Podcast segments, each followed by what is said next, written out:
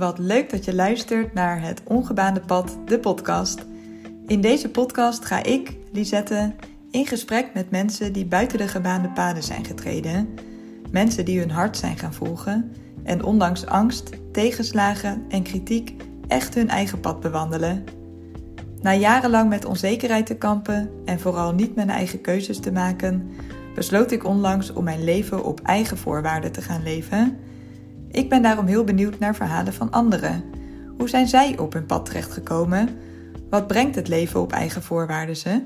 En welke tips hebben ze? Eén ding weet ik zeker: je eigen ongebaande pad volgen maakt het leven een stuk leuker. Ja, daar ben ik weer. Het is hier even stil geweest, want ik was lekker op vakantie. En eigenlijk ben ik nog steeds een beetje op vakantie, want we wonen de hele maand augustus in een huis in Frankrijk. En ik ga vanuit hier wel wat werken aan de podcast en andere dingen voor het ongebaande pad. Ik zal hier binnenkort ook nog wel een podcast over opnemen. Over onze tijd hier en hoe het zo ontstaan is dat we zeven weken weg zijn deze zomer. Maar nu eerst een podcast die ik al voor mijn vakantie opnam. Ik wilde deze aflevering eigenlijk online zetten voordat ik wegging. Maar ja, dat is er niet meer van gekomen. Daarom nu alsnog deze aflevering waarin ik Noortje interview.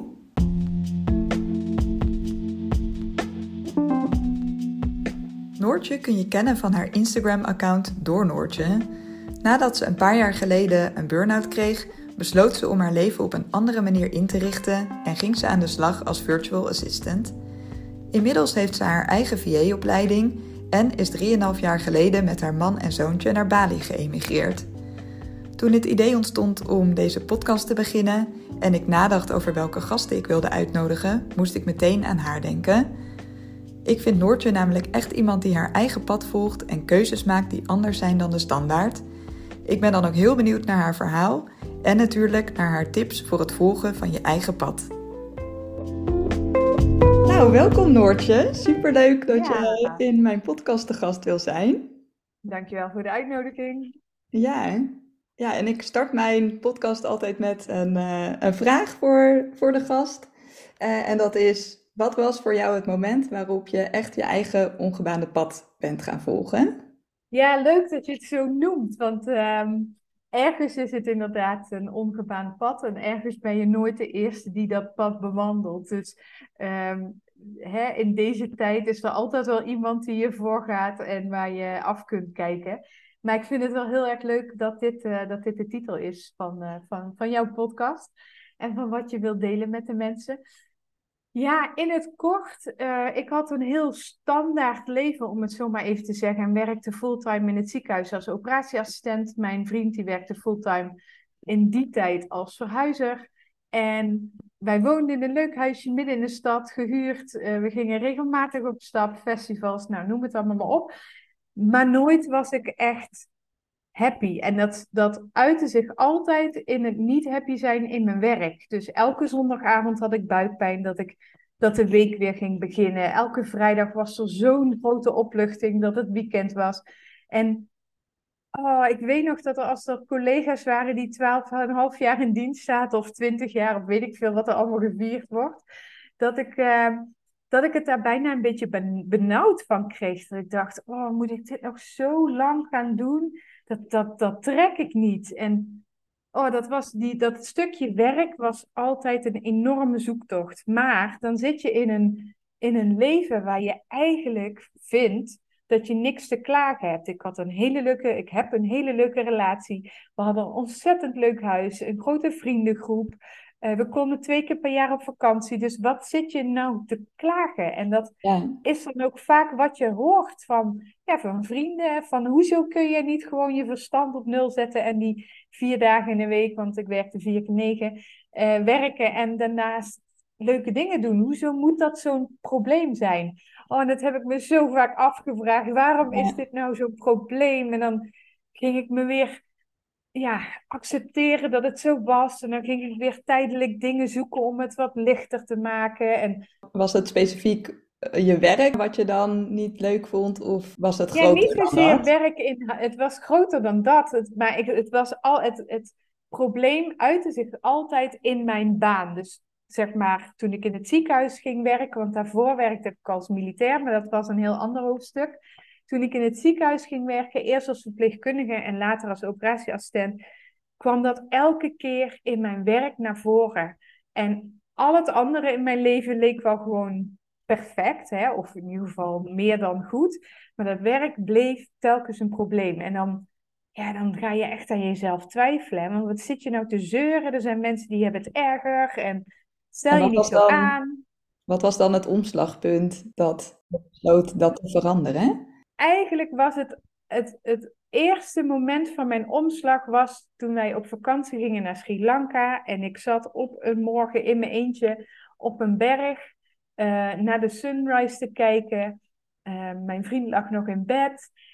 En ik zat daar en aan de voet van de berg, want zo hoog was het niet, was een gezin um, die ogenschijnlijk niet per se het rijkste gezin waren. En die stonden daar met z'n vijven buiten uh, de tanden te poetsen, koffie te zetten en zich klaar te maken voor de dag.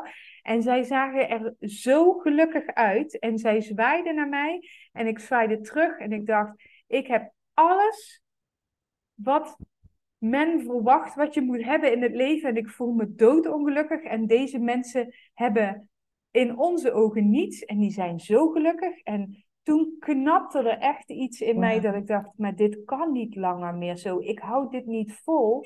Ik verdien het ook om gelukkig te zijn. En dat was in juni 2016.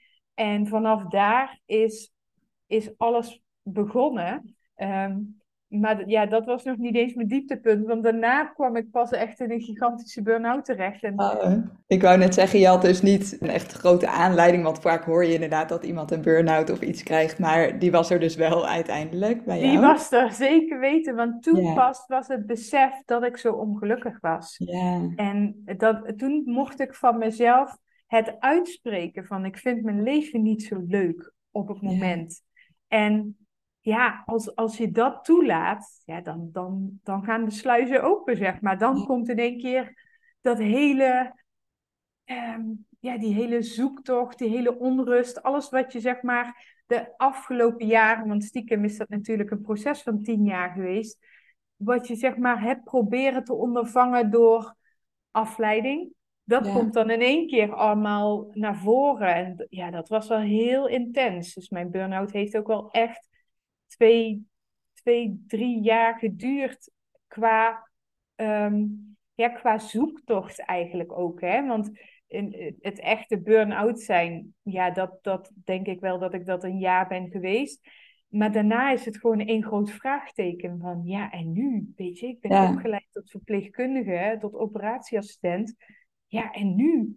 Ja, want dat, is natuurlijk ook vaak het gekke dat je dus eigenlijk nooit echt hebt nagedacht, wat wil ik nou echt? Uh, nee. voor mensen. En dat is dan, kan ik me voorstellen op zo'n punt dat je denkt, ja, mijn hele leven ligt nu open, maar ik heb eigenlijk geen idee wat ik ja. dan wil. Ja. ja, en als je het hebt over het ongebaarde pad, deed ik dat al stiekem van tevoren. Want ik ben, zeg maar, vanuit mijn middelbare school, uh, ben ik niet dus de HBOV gaan doen, de verpleegkundige opleiding, maar ben ik dienst ingegaan. Ben ik als soldaat bij de landmacht gaan werken. Dus ik ik had al de neiging om het anders te doen dan wat verwacht werd, om het zo maar even te zeggen.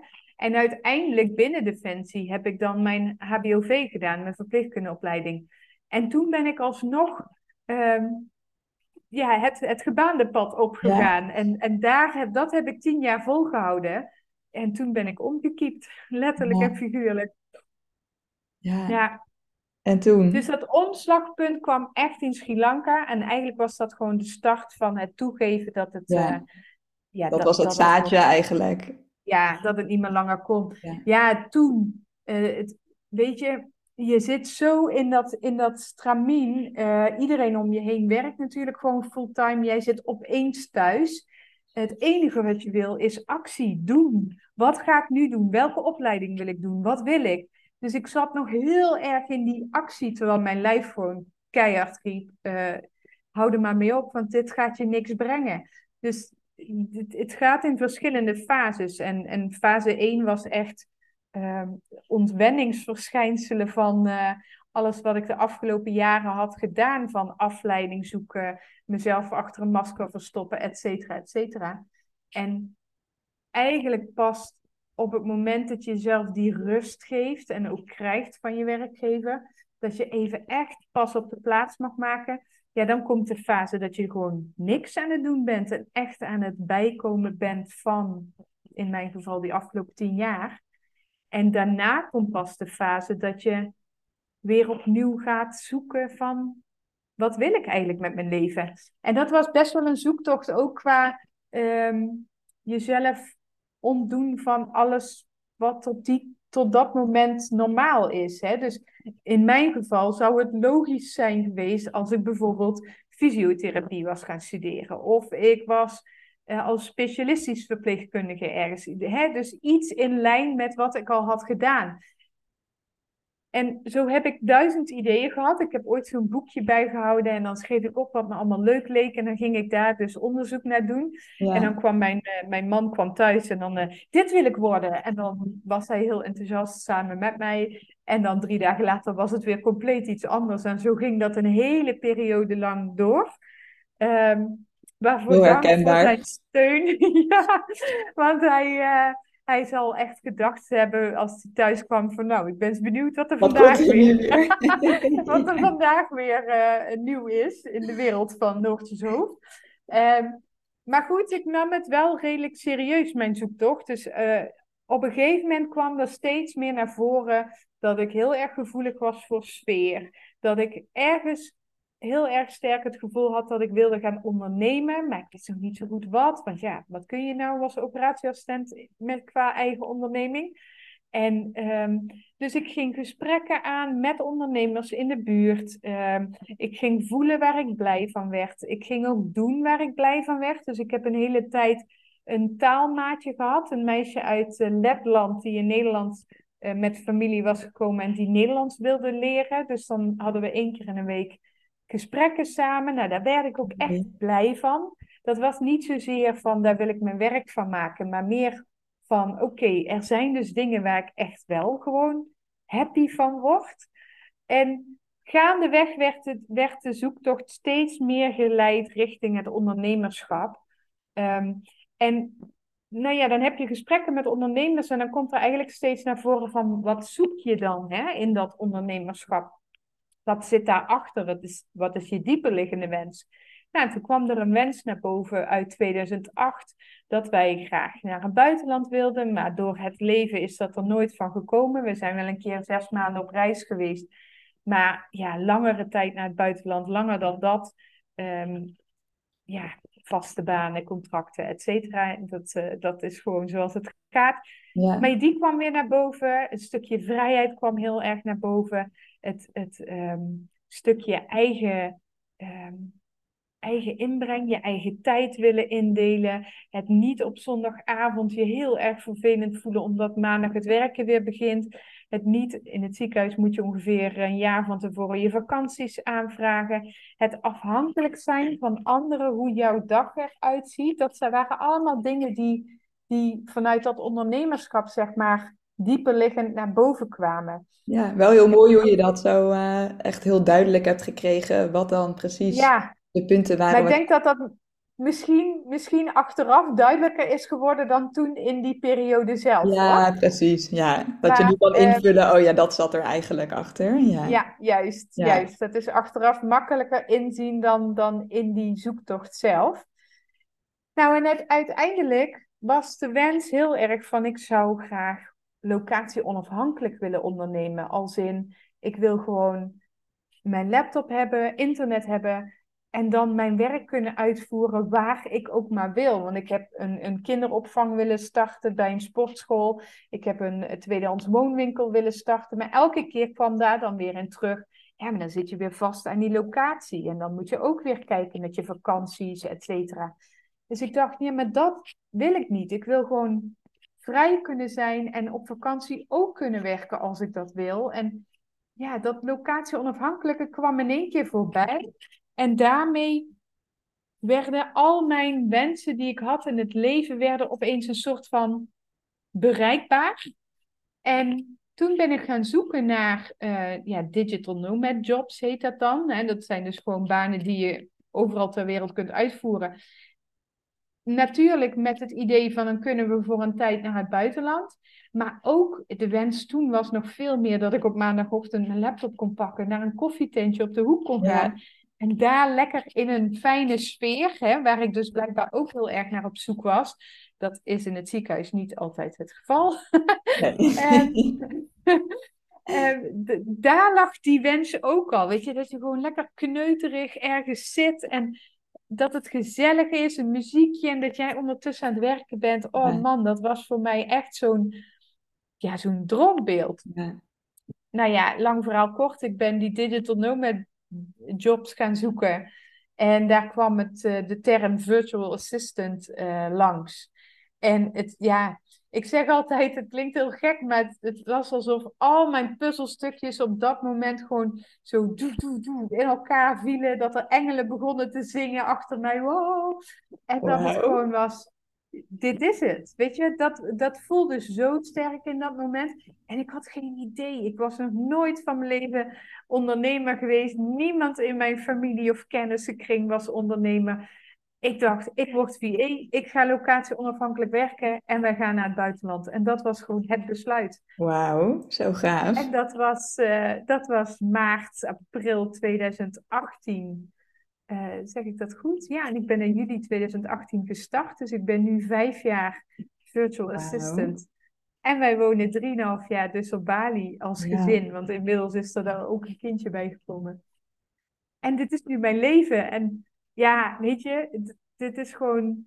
Als ik nu daar, als ik dit zo vertel of daar weer aan terugdenk... en, en daar sta ik regelmatig bij stil... dan ben ik zo blij dat ik de moed heb gehad om, ehm, om deze stap te zetten. Ja. Omdat me dit dus gewoon gelukkig maakt. Dit maakt mij gelukkig. Wat ik dus al die jaren niet voelde, voel ik nu tot in mijn tenen. Ja, ik krijg er helemaal kippenvel van, want dit is, dit is precies wat ik ook met het ongebaande pad bedoel eigenlijk. Want het gaat ook niet om dat je dingen allemaal anders moet doen of dus dingen moet doen die niemand nog ooit gedaan heeft. Maar het gaat er voor mij echt om dat je iets doet waarbij je gewoon van gaat stralen van ja, dit maakt mij gelukkig. En dat is denk ik het ongebaande pad, want niemand kan jouw pad bewandelen. Dus jij, bent de, jij bent de enige die zelf kan voelen wat jouw pad is. En, en dat is denk ik um, wat, waar het ongebaande pad ook over gaat. Ja, uh, mooi. Ja. Ja, en had jij tien jaar geleden kunnen bedenken dat dit dan jouw leven ging worden? Nee, nee, no way. Nee, tien jaar geleden. Oh, ik heb geen idee waar ik toen was. Uh, dat was voor de wereldreis. Nou ja, weet je, de wereldreis was ook gewoon zo'n afleiding, hè? Want wij gingen in, in 2014, 15, zes maanden lang. Maar we waren al anderhalf jaar van tevoren bezig met die voorbereiding. Ja, en zolang je maar bezig ergens mee bent, hè, of dat nou een huis bouwen is, of je voorbereiden op een wereldreis, of uh, ja, zelfs gewoon het krijgen van kinderen. Als je daar maar je focus op legt, dan wordt al dat andere wat minder pijnlijk. Want je bent jezelf eigenlijk gewoon als het ware een beetje aan het afleiden. Waar niks mis mee is, hè? want dat is gewoon ook een overlevingsstrategie wat wij uh, gecreëerd hebben met z'n allen. Mm. Maar die wereldreis, die, dat, was, dat was onze afleiding. En ik was toen ook nog super naïef, want ik dacht, na dat half jaar ben ik een compleet ander mens. En dan valt alles op zijn pootjes terecht. En dan is heel mijn leven fantastisch. Dus in 2013 was ik bezig met het voorbereiden op die wereldreis, wat een jaar later zou plaatsvinden. Dus al mijn lege tijd ging daar naartoe, zodat ik niet bezig hoefde te zijn met hoe ongelukkig ik eigenlijk op dit moment in mijn werk was. En ik weet nog dat ik e- tegen een vriendin slash collega zei van... Uh, ja, ik ga gewoon niet meer terugkomen hier op de OK. Als na de reis ga ik gewoon iets anders doen. En dan heb ik het gevonden wat ik wil. En ik ben gewoon na die zes maanden weer teruggegaan op de OK. En mijn leven was gewoon precies hetzelfde dan voor de reis. Ja. Um, is dat denk je ook is dat denk je ook waarom je die burn-out misschien kreeg? Omdat van de teleurstelling dat je ergens die verwachting had van nou, daarna dan, dan is alles anders. En toen bleek het Dat toch was mijn hoop. hetzelfde te zijn. Ja, dat, en het was zelfs nog erger geworden, want je hebt een half jaar gevoeld hoe je je ook kunt Ja. voelen. Nou is, nou is reizen zonder te werken en zonder verantwoordelijkheden, et cetera, te voelen, is natuurlijk niet te vergelijken met het echte leven. Maar je hebt wel, zeg maar, dat gevoel ervaren van Ja. ik, ik, ik leef, om het zo maar in, in plaats van ik word geleefd. Hè? De- Ja. en dan kom je dus terug in, je, in precies hetzelfde leven en dan is alles hetzelfde en dan ben jij veranderd en dan maakt het het allemaal nog wel pijnlijker of zo. En dan heeft dat weer een paar jaar nodig gehad om ehm, ja, dat te laten inzien. Maar ja, die wereldreis heeft ons in zoverre wel geholpen om nog dieper in de put te zakken, als het Ja. ware. Wat, wat dus blijkbaar nodig was om daar ook uiteindelijk weer uit te klimmen. Want anders kabbel je maar voort. En dat had ik dus al een jaar of tien gedaan. Dus Ja. dit was blijkbaar ook gewoon nodig om, eh, om mezelf wakker te schudden. Ja. Ja, en ik Ja. vind het mooi dat je net zei dat je heel erg het gevoel had dat je geleefd werd. Eh, want dat herken ik heel erg. Dat ik denk heel veel mensen die, ehm, die laten het leven gewoon gebeuren zoals het gaat. En, en nemen niet echt zelf de verantwoordelijkheid om hun leven te leven. En dat klinkt misschien een beetje hard, maar dat heb je dan ook niet door. Ik heb dat zelf ook heel lang gehad. Dat ik gewoon een beetje slachtoffer van mijn eigen leven was. En ik was wel, het was allemaal wel prima, maar ik was ook ergens wel ongelukkig met bepaalde dingen. Maar ik dacht, ja, ik kan er ook niks aan veranderen. En voor mij, ja, voor mij is het ook echt het moment dat ik, dat ik besloot om zelf weer de regie over mijn eigen leven te nemen. Vanaf dat moment was mijn leven al zoveel leuker. En Ja. nu ook, er is niet eens, ik ben, voor mij is dat een beetje twee, tweeënhalf jaar geleden begonnen. Er is niet eens heel veel concreet veranderd, maar alleen al het feit dat je het gevoel hebt dat je weer de controle over je leven hebt, tot een bepaalde hoogte natuurlijk. Je kan natuurlijk niet alles Uiteraard. controleren, maar waar je dan wel de controle over kan pakken en die neemt, dat maakt zo'n verschil Ja. in je gevoel. Ja, inderdaad, want dat zeg ik ook heel vaak. Mensen verwarren wel eens ons vertrek naar het buitenland ehm, met, het, met een beetje het vluchten van de realiteit. Maar voor ons was het heel duidelijk dat wij de tijd in Nederland, zeg maar, die anderhalf jaar voordat we vertrokken, vanaf het moment dat we besloten dat we zouden gaan vertrekken, hebben wij ons altijd voorgenomen, we gaan ons leven nu zo creëren dat we eigenlijk niet meer weg willen uit Nederland. Hè, dus dus de, de, omdat we dat bij de wereldreis natuurlijk al een beetje mee hadden gemaakt, wilden we niet dat we in hetzelfde zouden eh, trappen. Hè? Dus we wilden ons leven in Nederland al helemaal inrichten, zodat het helemaal bij ons zou passen en waar wij gelukkig van werden. Dus er kwam een campertje, we gingen in de weekenden gingen we lekker eh, de natuur in, dat soort dingetjes. Ik kon dus al werken vanuit huis en vanuit dat koffietentje. Eh, dus op het moment dat wij vertrokken, niet natuurlijk 100%, maar ik denk voor 80% was ons leven al zoals we het graag wilden ja, zien. En dat was wel voor onszelf heel erg een doel, zodat we niet ja, dat, dat vluchten zouden doen. Hè? Dus ja, op het moment eigenlijk dat, dat jij, wat jij, wat jij ook zegt, op het moment dat je besluit, hé, hey, ik verdien het om gelukkig te zijn op al mijn fronten, ehm, ja, dan, dan ben je dus inderdaad, stap je uit dat slachtoffer, eh, uit die slachtofferrol en dan creëer je het leven zonder, hè, natuurlijk, er gebeuren dingen, maar zelfs als er dingen gebeuren, kun je daar op verschillende manieren mee ja, omgaan. En precies.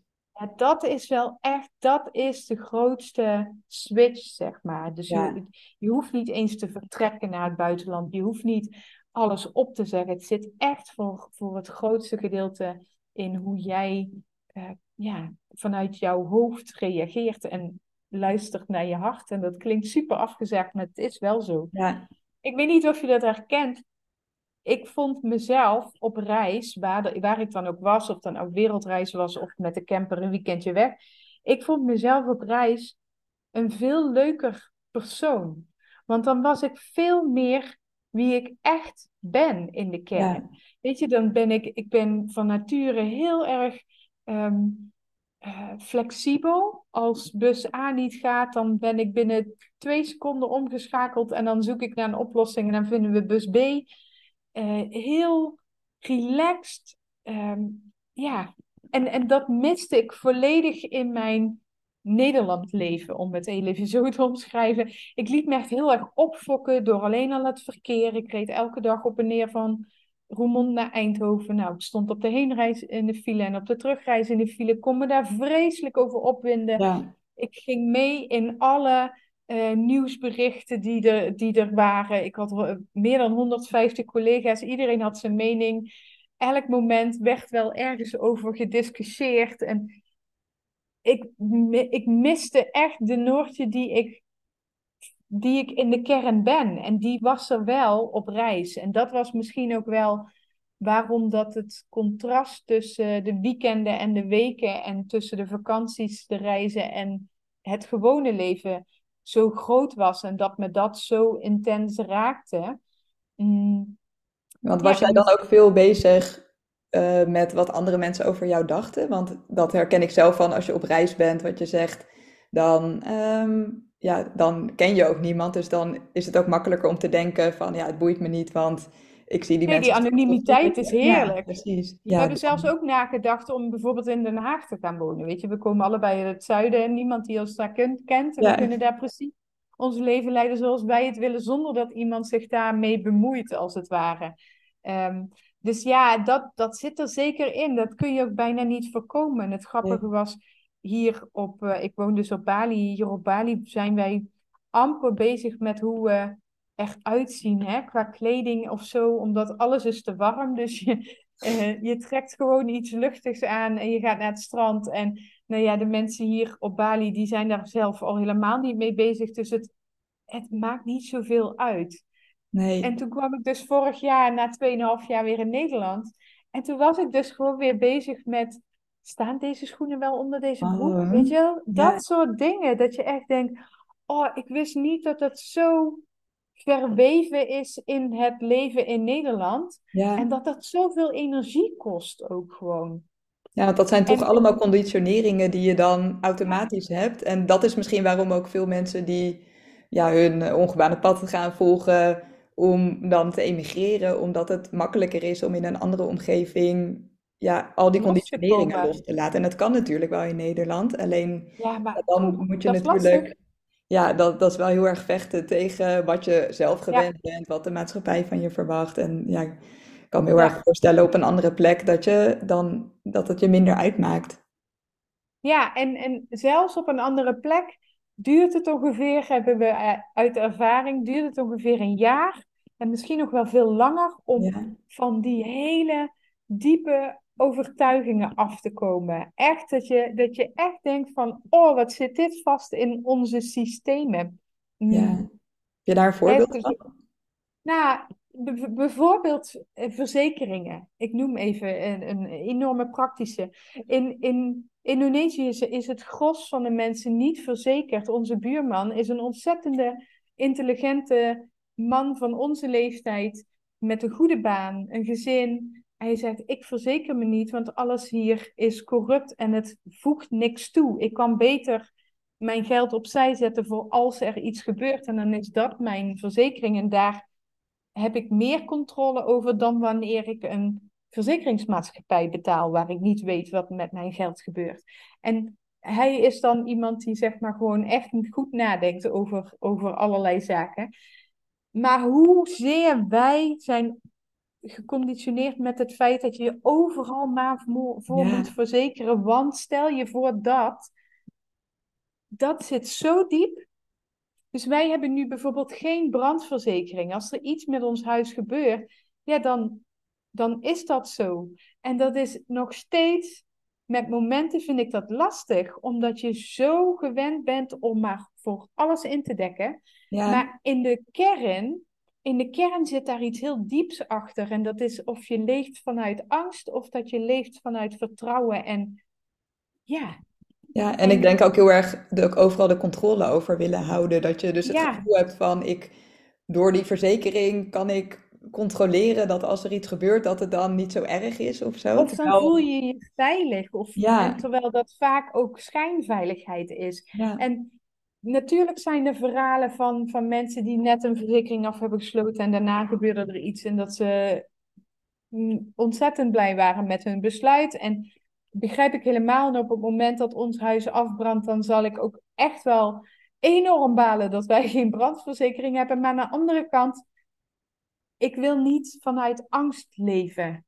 En dit soort dingetjes, ja, dat, dat zijn wel echt van die westerse overtuigingen die, ehm, ja, die heel diep zitten. En ik zeg niet dat, dat wij zijn ook voor dingen verzekerd. Ik zeg ook niet dat, nie- dat iedereen dat maar niet hoeft te doen. Maar om heel even zo'n basale ehm, ja, voorbeeld te geven. En zo zijn er nog duizend. Ik heb zoveel lessen gehad de afgelopen drieënhalf jaar.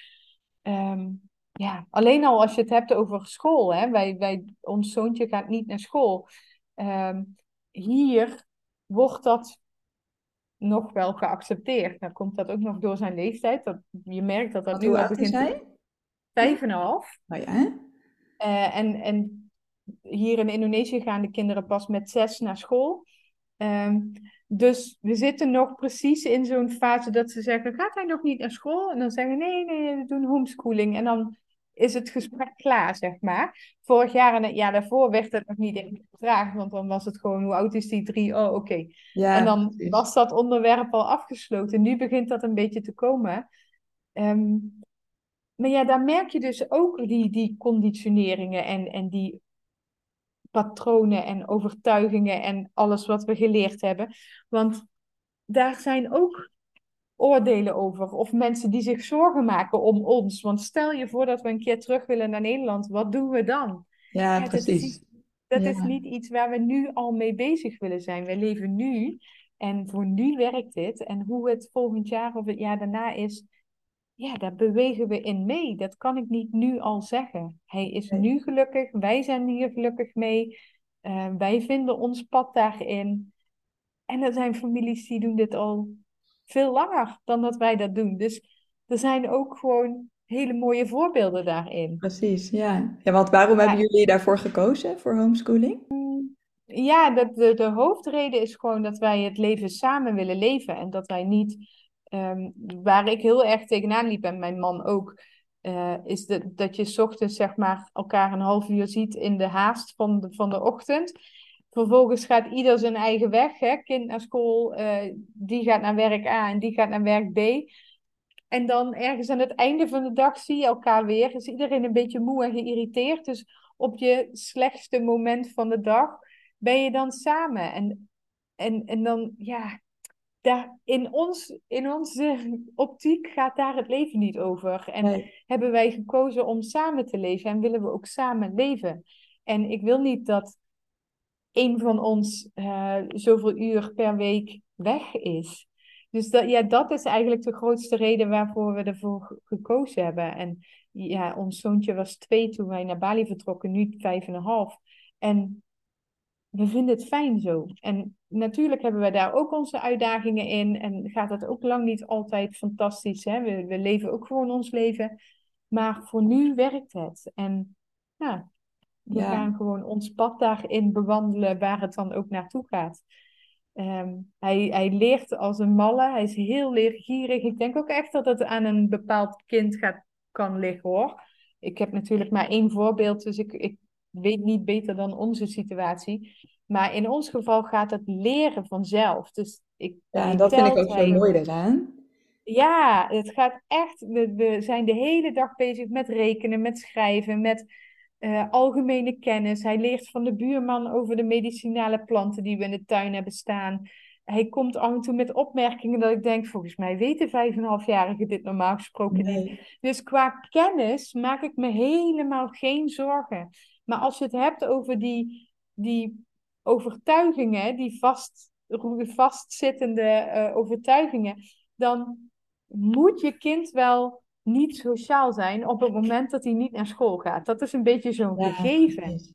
Ja, mijn zoontje is helemaal niet, niet sociaal. Natuurlijk is hij overexcited als hij met vriendjes of, eh, of vriendinnetjes afspreekt. Mm, maar ik denk dat hij dat ook is of was geweest als die vijf dagen naar school. Want dat ja. is zoals hij is. Ehm, en, en het mooie is dat hij, zeg maar, zijn sociale kring bestaat uit alle lagen van de bevolking, verschillende landen, verschillende werelddelen, verschillende leeftijden, verschillende klasses. Uh, zijn sociale kring is misschien, nou misschien, is veel breder dan de sociale kring waar ik vroeger als kind ben opgegroeid. Want ik zat in een, in een, op een basisschool waar ik denk één buitenlandse familie was. In die tijd in een klein dorp waar alles super veilig was. Ik kende iedereen. In mijn klas was natuurlijk iedereen van dezelfde leeftijd. Bijna ook iedereen van een beetje hetzelfde sociale milieu. Dus qua variatie leer je daar eigenlijk niet zoveel. Hè? Om, om heel eerlijk te zijn. Terwijl nu, wij leren ook van vrienden die uit Singapore komen, vrienden die uit Australië komen, vrienden die uit uh, Zweden, Canada, weet ik veel waar ze allemaal vandaan komen. En natuurlijk van de locals hier op Bali. Um, dat, dat maakt je ook gewoon heel rijk qua sociaal leven. En dan speelt hij niet elke dag met leeftijdsgenootjes, maar dat maakt hem niet minder sociaal. Maar dat is zoiets, dat zit zo diep in ons, in ons hoofd, dat ik me inderdaad met periodes heb afgevraagd, doe ik hem niet tekort? Ja, maar ik doe hem helemaal niet tekort. Nee, want dat is denk ik ook het eerste wat mensen vragen uh, als, als je zegt ik doe aan homeschooling. Hoe, hoe ja. is dat dan sociaal? En Heeft hij dan wel kennis? Ja, precies. Ja, en, ja juist. Wij hebben twee dochters ook en onze oudste die gaat wel naar school. Uh, maar het is wel echt iets waar ik heel veel interesse in heb. Het idee van homeschooling en inschooling. En um, waarvan ik denk, misschien als de situatie nu anders was geweest, dat we het wel anders hadden gekozen. Uh, maar voor nu is het gewoon uh, ja, de situatie mhm. hoe het is. Maar um, ja, ik vind dat zo gek dat je dan. Dat, ik heb dan ook de grootste angst, zou dan zijn als we daar uiteindelijk wel voor kiezen. Oh, hoe gaat dat dan sociaal zijn? Terwijl wat je zegt, uiteindelijk is het natuurlijk zoiets geks dat wij hebben besloten dat kinderen met leeftijdsgenootjes in een klas moeten zitten en daar vijf dagen per week naartoe. Natuurlijk precies op het moment dat de ouders aan het werk zijn. Dus ja. dat is natuurlijk eigenlijk ook als je daarover nadenkt, dan besef je bedacht, hè? steeds meer dat de school eigenlijk voornamelijk bedacht is zodat de ouders kunnen werken, zodat die geld kunnen verdienen om dan vervolgens weer om de voor de kinderen te zorgen. Ja, juist. Ja, dus, het is allemaal bedacht. Precies, ja. En, uh, en ik vind het ook heel mooi, dat merk ik ook heel erg bij mijn oudste dochter, dat hoeveel zij al zelf leert inderdaad. Want zij gaat naar de vrije school, dus daar is ook de kleuterklas, is gewoon kleuter, uh, lekker spelen en geen taakjes of werkjes. Maar zij kan al eh, heel ver tellen. Ze, kan, ze maakt er zelf rekensommetjes tot tien. Dat heeft ze zichzelf gewoon geleerd. En wij stimuleren dat natuurlijk omdat we merken ze vindt het leuk en interessant. Dan haken we ja. daarop aan door daar spelletjes mee te doen. Maar dat is puur vanuit uit haar eigen interesse. En ik vind dat zoiets bijzonders. Interesse dat je gestuurd is fantastisch. Ja. Dat is echt fantastisch. Ja, ja ik, ik zie het ook. En dit is precies wat jij ook zegt als je daar als ouder gewoon aandacht voor hebt en dus ook kunt hebben, want dat is dat samenleven wat wij nu doen, ehm, dan zie je wat er gebeurt in het hoofd van het kind en dan kun je daarin meebewegen. En dat, dat geeft zoveel plezier en ehm, ja, ik, ik vind het echt een, een prachtig pad om, om hem zo op die manier te zien groeien en ontwikkelen. Ja, mooi. En dat wil ik meemaken. Ik wil het niet dat de juffrouw dit ziet. Ik wil dat ik dat zie. Dit is mijn kind. ja, precies. Ja, hè? En hoe is het dan om zoveel tijd met elkaar door te brengen? Want dat is voor mij zelf ook wel een, ja, toch een soort angst. Uh, wij hebben ook plannen om uiteindelijk misschien te emigreren of misschien in Nederland iets te gaan doen, maar toch wel echt ons leven op een andere manier inrichten en veel meer samen te zijn. Maar ik heb ook heel erg tijd voor mezelf nodig. En mhm. ik vind het dus nu ook uh, ergens heel fijn dat dan de kinderen naar school en de opvang gaan en ik gewoon rustig mijn werk kan doen. En uh, ja. ja. dat, dat ik ook die rust voor mezelf heb. Hoe ervaar jij dat? Nou, ik weet nog, bijvoorbeeld met die wereldreis, toen kreeg ik heel vaak de opmerking van, maar dan gaan jullie een half jaar samen reizen. Dan ben je 24 uur per dag samen. Hoe ga je, waar, waar ga je dan nog over praten? Hoe ga je dat doen?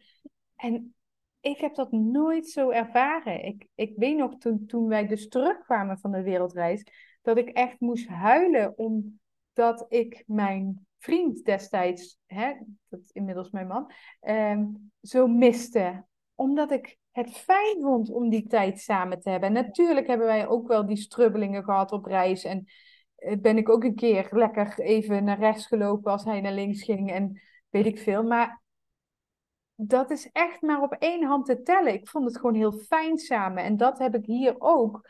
Ehm, ja, wij vinden het gewoon heel fijn samen. En die eigen tijd, die hebben we. En maar op een andere manier misschien dan de meeste gezinnen dat ervaren in Nederland. Wij, wij staan beide om zes uur op. Mijn zoontje om acht uur. Ook al is hij eerder wakker. We hebben vanaf jongs af aan um, de afspraak. Dan, hij mag ons roepen als hij wakker is. Dan krijgt hij speeltjes of wat dan ook. Maar hij blijft tot acht uur op zijn kamer. En dan gaan we hem uit bed halen, als het ware. Dus we hebben elke ochtend twee uur voor onszelf. Um, mijn man doet zijn ding, ik doe mijn ding. We lezen, we, we sporten, we, ik kijk elke ochtend naar de zonsopkomst. We hebben ook daarin onze gesprekken uh, als we daar iets willen delen. En dan om acht uur begint het gezinsleven. Maar dat gaat heel gemoedelijk, want we hoeven nergens naartoe. Dus we maken samen het ontbijt en, en we hebben een muziekje aanstaan. En alles gaat echt in, in in een heel rustig tempo. En dan ga ik werken. Nou ja, ik werk dus op mijn, onze slaapkamer. Dus ik ben één deur verwijderd van de rest. Soms werk ik ook gewoon met de deur open. Ehm, ja, dat, dat gaat gewoon heel lekker. En er zijn wel eens momenten dat we tijd voor onszelf nodig hebben. Maar dan boeken we een nachtje weg voor één persoon. Hè? Dus als, als we vooral Kijk, ik werk natuurlijk gewoon vier dagen in de week. Dus ik heb, ondanks dat de deur soms open staat, heb ik wel gewoon mijn eigen ja, tijd. Mijn, mijn, mijn man, die is fulltime huisvader. Uh, dus die is veel meer met ons zoontje bezig. En die heeft af en toe wel eens van, ik ben even, even klaar. Wat ik helemaal begrijp. Um, en dan boekt hij een nachtje in een hotel. En dat is hier natuurlijk gewoon allemaal betaalbaar. En dan gaat hij gewoon uh, even twaalf uur niks doen en lezen en, en slapen. Ja, ja en dan, dan is het ook weer oké.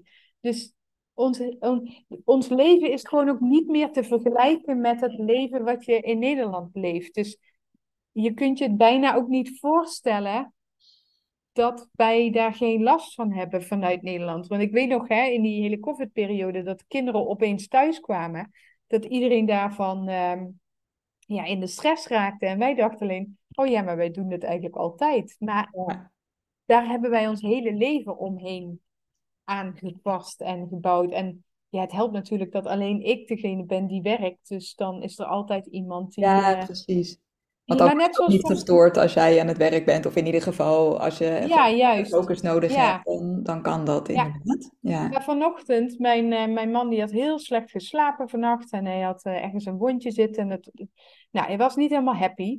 En we, we zaten lekker aan het, aan het tafeltje te ontbijten. En ik zei, nou weet je wat je doet? Dan ga jij dadelijk gewoon nog even lekker een uurtje liggen. Zet je een meditatie op of je gaat slapen of doe iets. Ik uh, pak mijn laptop en ik ga in de woonkamer zitten. En uh, mijn zoontje en ik, wij redden ons wel. Nou, hij heeft, we hebben van een week hebben we een uh, poppenhuis gebouwd van een grote kartonnen doos van de nieuwe wasmachine. Ik heb twee uur ongestoord gewerkt en hij heeft twee uur in zijn eentje gespeeld. En dat was prima. Weet je, dat, dat, ja, dat zijn we Hij is dat dan ook gewend om zichzelf te we zijn alle, En als hij iets nodig heeft, dan komt hij naar me toe. En dan zeggen we, oké, dat kan ik voor je doen. Maar dan moet je nu, nu moet ik weer eventjes werken. En dan is dat helemaal prima. Dus ik kan echt, ja, het, ik, ik zou gewoon kunnen werken met hem naast me. Niet altijd, hè. Ik bedoel, het is ook niet altijd fantastisch. Maar ja, vanochtend ging dat heel goed. Ja, dat is, dat is superleuk. En dan hoor ik hem ook helemaal in zijn spel. En dan... Uh, denk ik ook, ja, dit is ook voor hem goed dat hij even lekker uh, speelt zonder dat er aandacht van ons moet zijn, zeg maar. Dus ja, nou ja, dat is hoe we, zo, zoals wij het doen. Ja, wauw. Ja, ja, wat ik ook heel mooi aan jouw verhaal vind, is natuurlijk dat jouw man dus fulltime thuis is met jullie zoontje. Is dat mhm. een bewuste keuze geweest? Hebben jullie daar echt ja, dat zo besloten, zeg maar? Of is dat zo gegroeid? Nee, dat hebben we zo besloten. En eigenlijk, eh, wij, wij zijn twintig jaar bij elkaar dit jaar. En in 2003, toen we elkaar ontmoetten, toen heeft hij al een keer gekscherend gezegd van ga jij later maar het geld verdienen, ik, uh, ik regel het huishouden wel. Wow. Nou ja, uiteindelijk is, dat, uh, is die route uh, heeft even geduurd. anders gelopen, maar ja, we zijn er nu wel. um, nou, laat ik het zo zeggen, die hele burn-out fase en het loskomen van het oude leven en mezelf weer terugvinden, die fase heeft mijn man eigenlijk ook gehad. Alleen toen waren we dus al hier. Dus toen, wij, toen hij gestopt was met werken, toen wij naar Bali verhuisden, toen begon zijn reis naar zichzelf, als het ware. Hè? Dus toen moest hij loskomen van heel veel overtuigingen en patronen. Toen is hij echt gaan rusten, zowel fysiek, want hij had zwaar werk fysiek altijd gehad, maar ook in zijn hoofd. Um, ja, dat heeft hem ook wel een jaar of twee, drie gekost voordat hij alles verwerkt had en, en, en uitgezocht had, als het ware.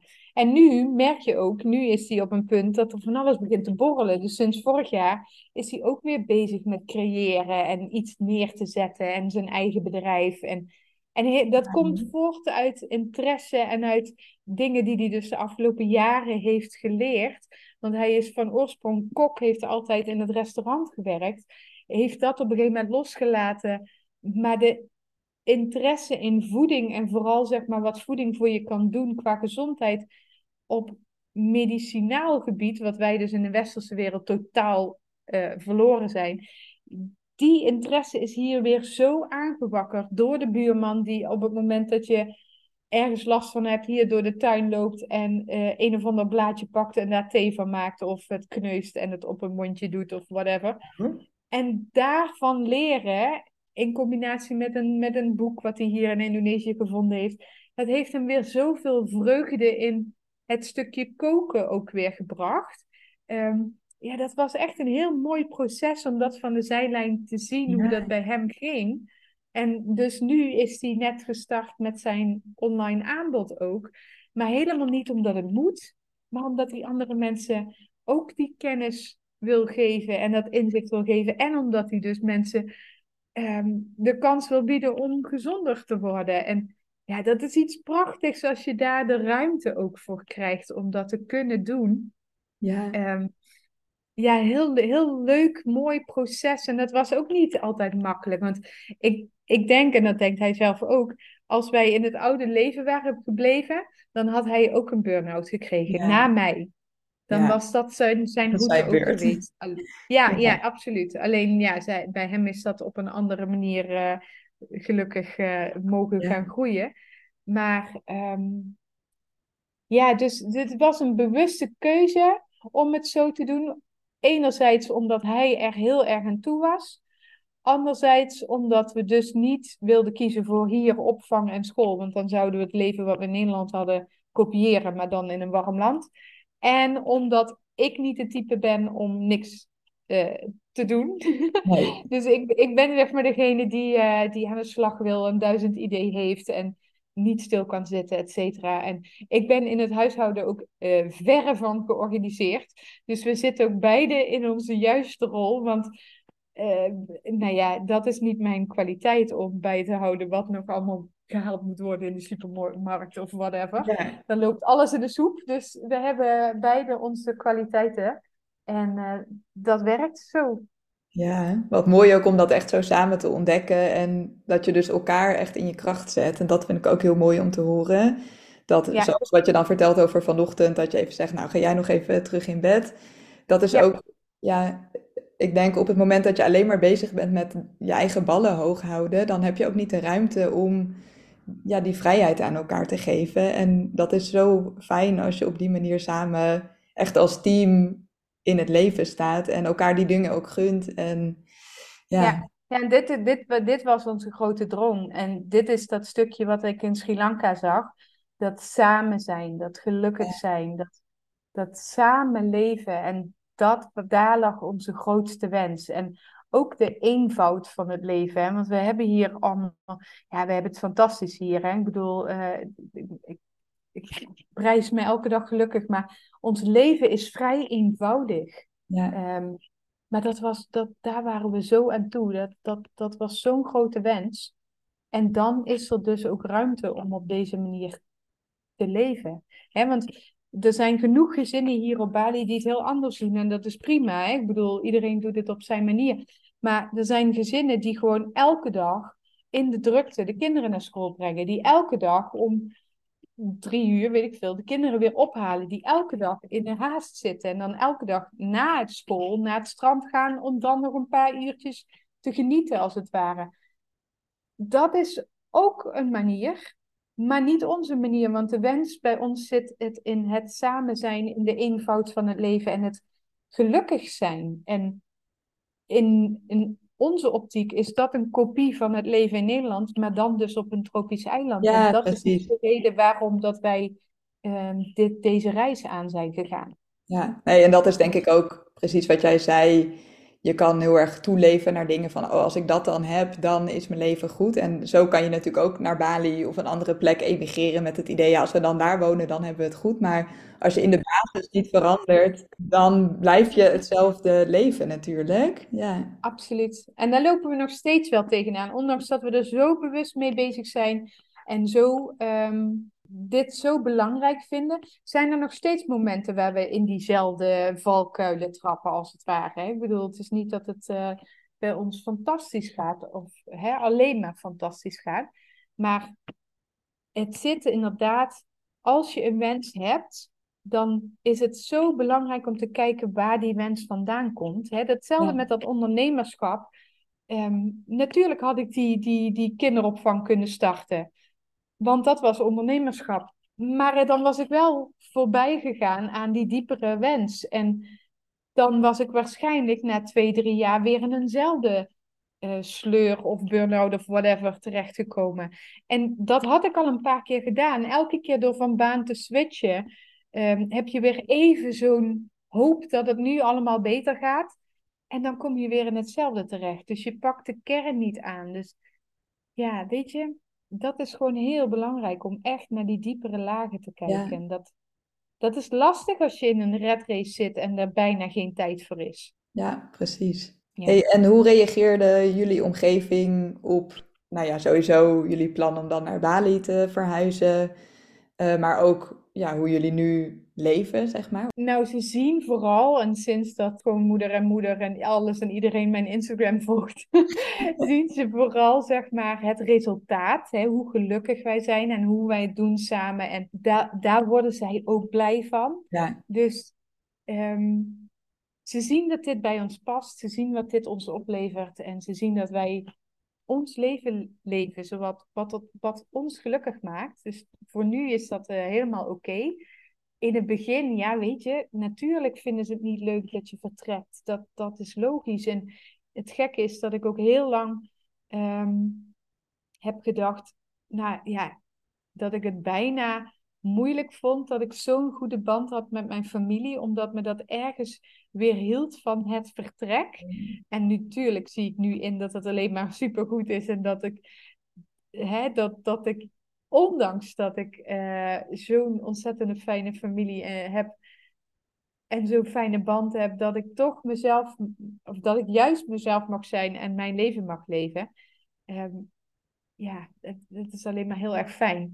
Ik weet niet wat ik precies daarmee wilde zeggen, maar ehm, die band die is er nog steeds. Die is misschien wel versterkt zelfs, want in plaats van dat het, eh, ja, dat het kwantiteit is, wordt het kwaliteit. Hè? Ja. We spreken elkaar niet dagelijks, maar als we elkaar spreken, dan spreken we elkaar echt en oprecht. En is er tijd en aandacht. En eh, ja, dat is gewoon heel erg mooi. En weet je, ergens wisten ze natuurlijk ook wel wie wij zijn. En past het ook heel erg bij ons en kwam het niet per se helemaal uit de lucht vallen. Ja, weet je, dit, ja, dat.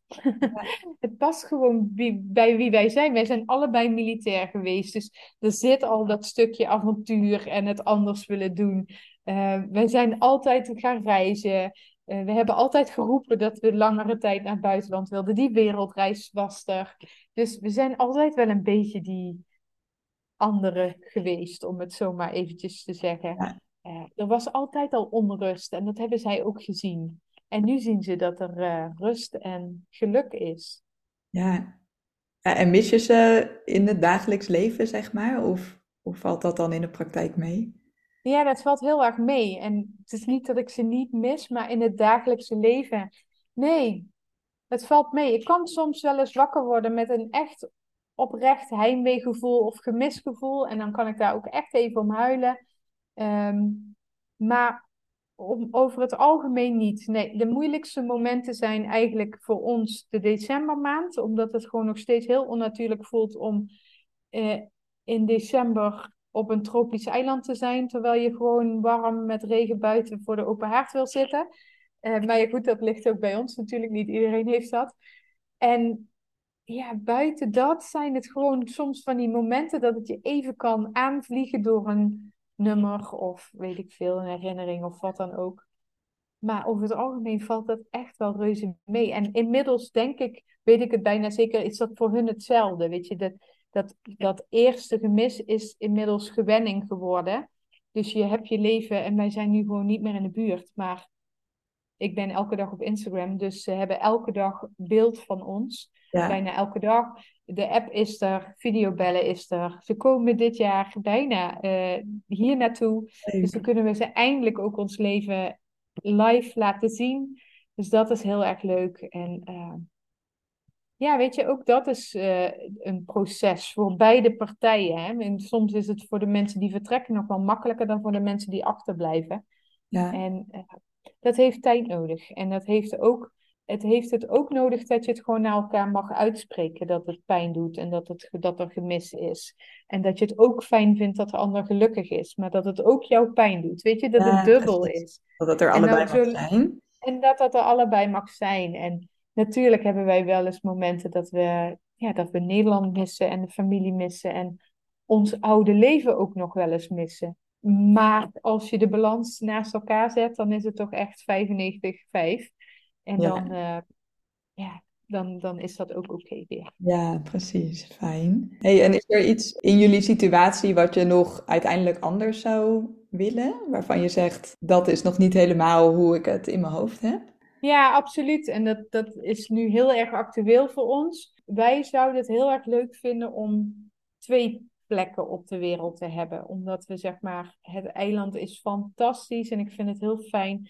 Maar ik mis bijvoorbeeld heel erg het wandelen of uh, hè, jezelf bij elkaar pakken, warme kleren aantrekken, een uur lang door het bos gaan wandelen en dan thuiskomen, warme chocomel maken. En die sfeer, die gezelligheid. En um, ons ideaalbeeld nu, maar goed, ook dat kan veranderen, is dat we vier maanden per jaar ergens anders zitten, ons huis verhuren en ehm, de rest dan gewoon op Bali wonen. En dat we op die manier ons leven inrichten. We zitten nergens aan vast. Ja. Uh, we hebben geen school waar we rekening mee moeten houden. Dus we, we, we kunnen dit gewoon doen.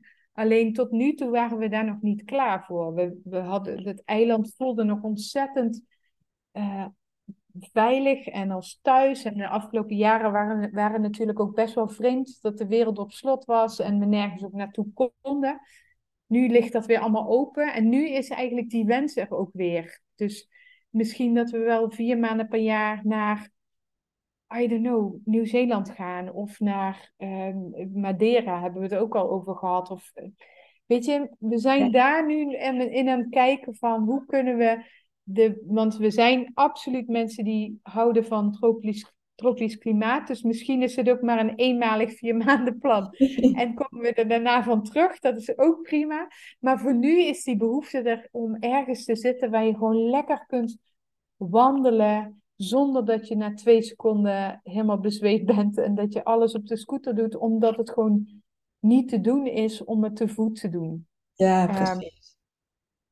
Maar ja, hoe dat gaat uitpakken, daar kan ik nog geen antwoord op geven. Er, er ligt een plan voor 2024, maar uh, plannen zijn om in mee te bewegen. Dus we gaan het even zien. Maar het, in de toekomst zou het nog zomaar kunnen zijn dat we nog een plek op de wereld hebben. En dat we afwisselen tussen twee plekken. Ja, wauw. Ja, ik denk ook dat is het mooie als je je eigen pad gaat volgen en je hart volgt, zeg maar. Dat je ook iedere keer weer nieuwe dingen kan doen. En dan gaat het dus niet om, oh, ik heb dat nodig om gelukkig te zijn, maar gewoon puur omdat je voelt, dit is een richting die ik op wil en waar ik blij van word. En, ja. en dan kan je vanzelf ervaren of dat inderdaad is wat je dan voor altijd wil, of dat het eenmalig is en ja. iets nieuws op je pad komt. Ja, ja en dat is het mooie van dat, dat pad bewandelen. Um, het gaat in fases en dat hebben we nu wel heel mooi in kaart. Hè? Weer een beetje zo dat achteraf, dat je dat makkelijk ziet. Maar je eerste fase is natuurlijk gewoon het besluit nemen om het anders te gaan doen. En dat is een hele intense fase. En ook het daadwerkelijk doen. Of dat nou vertrekken is, of je baan opzeggen is, of je relatie uitmaken, of wat dan ook. Maar het daadwerkelijk doen is een hele intense fase. En als je het dan hebt gedaan, dan breekt er een fase aan van Ehm, van wennen. Van loskomen van je oude leven, van wennen aan je nieuwe leven. En dat is een fase die uh, intens is ook. Die, die, hè, je, je gaat ervan uit dat het meteen fantastisch is. Maar zo werkt het niet in de praktijk. Je moet echt loskomen van je oude leven, loskomen van die patronen, die conditioneringen en noem het allemaal maar op. En dan komt er een nieuwe fase Ehm, dat, je, dat je lekker zit in je nieuwe leven, dat je ervan geniet, dat je, ja, dat je echt het, vorm aan het geven bent. En dan komt er vanzelf ook weer een fase dat er ruimte is voor weer nieuwe ontwikkelingen en nieuwe behoeftes. En, maar dat kan niet in één keer. Daar gaan jaren overheen. Bij de een misschien wat sneller, maar bij ons ging daar misschien ook wel door de omstandigheden in de wereld, ging daar gewoon wat langere tijd overheen. Uh, ik weet nog dat wij wij, wij zijn in januari 2020 naar Bali gekomen. In maart ging natuurlijk alles op slot. Ik weet dat wij in mei het al hadden over om te vertrekken naar Spanje, omdat Bali ons te ver van Nederland, dat voelden we toen heel sterk. Van stel dat er nu iets is met onze ouders, dan duurde het twee dagen voordat we een keer uh, in Nederland zijn, als dat al lukt. Um, dus toen waren we al heel erg bezig met uh, de vervolgstappen. Maar daar waren we nog helemaal niet. We moesten nog landen, we moesten nog rennen, we moesten nog loskomen van al het oude. En ja, dat, dat, ja, dat zijn hele mooie processen. Mooi. En als je de mensen die ook hun eigen ongebaande pad willen volgen, één tip mee mag geven, wat zou dat zijn? Mag het er maar één zijn? nou, ja, nou ja, het, het, het zit vooral in een stukje dat je niet te groot maakt. Hè, ik heb jarenlang gedacht, dit is alleen maar weggelegd voor mensen die, en dan puntje, puntje, puntje. Dus er is altijd wel iets waardoor dat het bij jou niet zo makkelijk kan als bij een ander. Hè? Dus de ander heeft een huis gekocht, dus die hebben heel veel geld, dus ja, die kunnen dat doen. Of uh, ja, maar die man die uh, verdient superveel. Dus ja, dat snap ik wel dat die dat kunnen doen. Of ja, maar zij hebben nog geen kinderen. Of uh, ja, maar zij hebben geen, geen ouders die hun hier houden. Ik snap wel dat zij gaan. Even over het buitenland stukje dan in dit geval. Dus je kunt zeg maar altijd iemand anders zo plaatsen dat het voor hen makkelijker is. Maar geloof me, het is voor niemand makkelijk. Ehm, dat, dat stuk van het besluit en het daadwerkelijke doen is voor iedereen intens. Of je nou een miljoen op de bank hebt staan of 50 euro, of je nou wel of geen kinderen hebt, of je nou in Nederland een, een hele hechte familie hebt, of iedereen zit overal in de wereld. Iedereen heeft zijn eigen proces daarin. Dus zet niet iemand anders uh, op een soort van voetstuk dat het voor hen makkelijker is. Want dat is niet zo. Iedereen heeft zijn struggles. Je kunt zeggen tegen ons van, ja, maar jullie hadden nog geen kinderen die naar school gingen. Nee, dat klopt. Het was inderdaad op dat vlak makkelijker. Maar ik struggle met dit en dit. En daar hoef jij niet mee te struggelen. Dus maak jezelf gelijk met iedereen die dit doet. Want iedereen heeft zijn struggles. En, en niet, niemand heeft het makkelijker dan jij. En natuurlijk zijn er soms situaties die lastig zijn. Hè? Stel dat je gescheiden bent en je hebt kinderen en man wil niet dat jij naar het buitenland vertrekt en jij wil dat wel. Ja, dan wordt het zeker een ander verhaal. En zelfs dan, als je dan naar die diepere laag gaat kijken, dan kun je de essentie vinden en dan kun je daar wel weer in verder groeien. Uh, maar zet jezelf op, het, op dezelfde hoogte dan de mensen die het doen. En ehm, ehm, financieel zijn heel veel mensen van overtuigd dat het niet haalbaar is voor hen als je het hebt over immigratie of iets dergelijks. Ehm, maar het is gewoon haalbaar. Wij hadden geen huis wat we hebben verkocht. We hadden uh, geen tonnen op de bank, niet eens een halve ton op de bank. Ehm, we hebben geen rijke ouders die, die ons geld toestoppen. Uh, ik heb geen topbaan.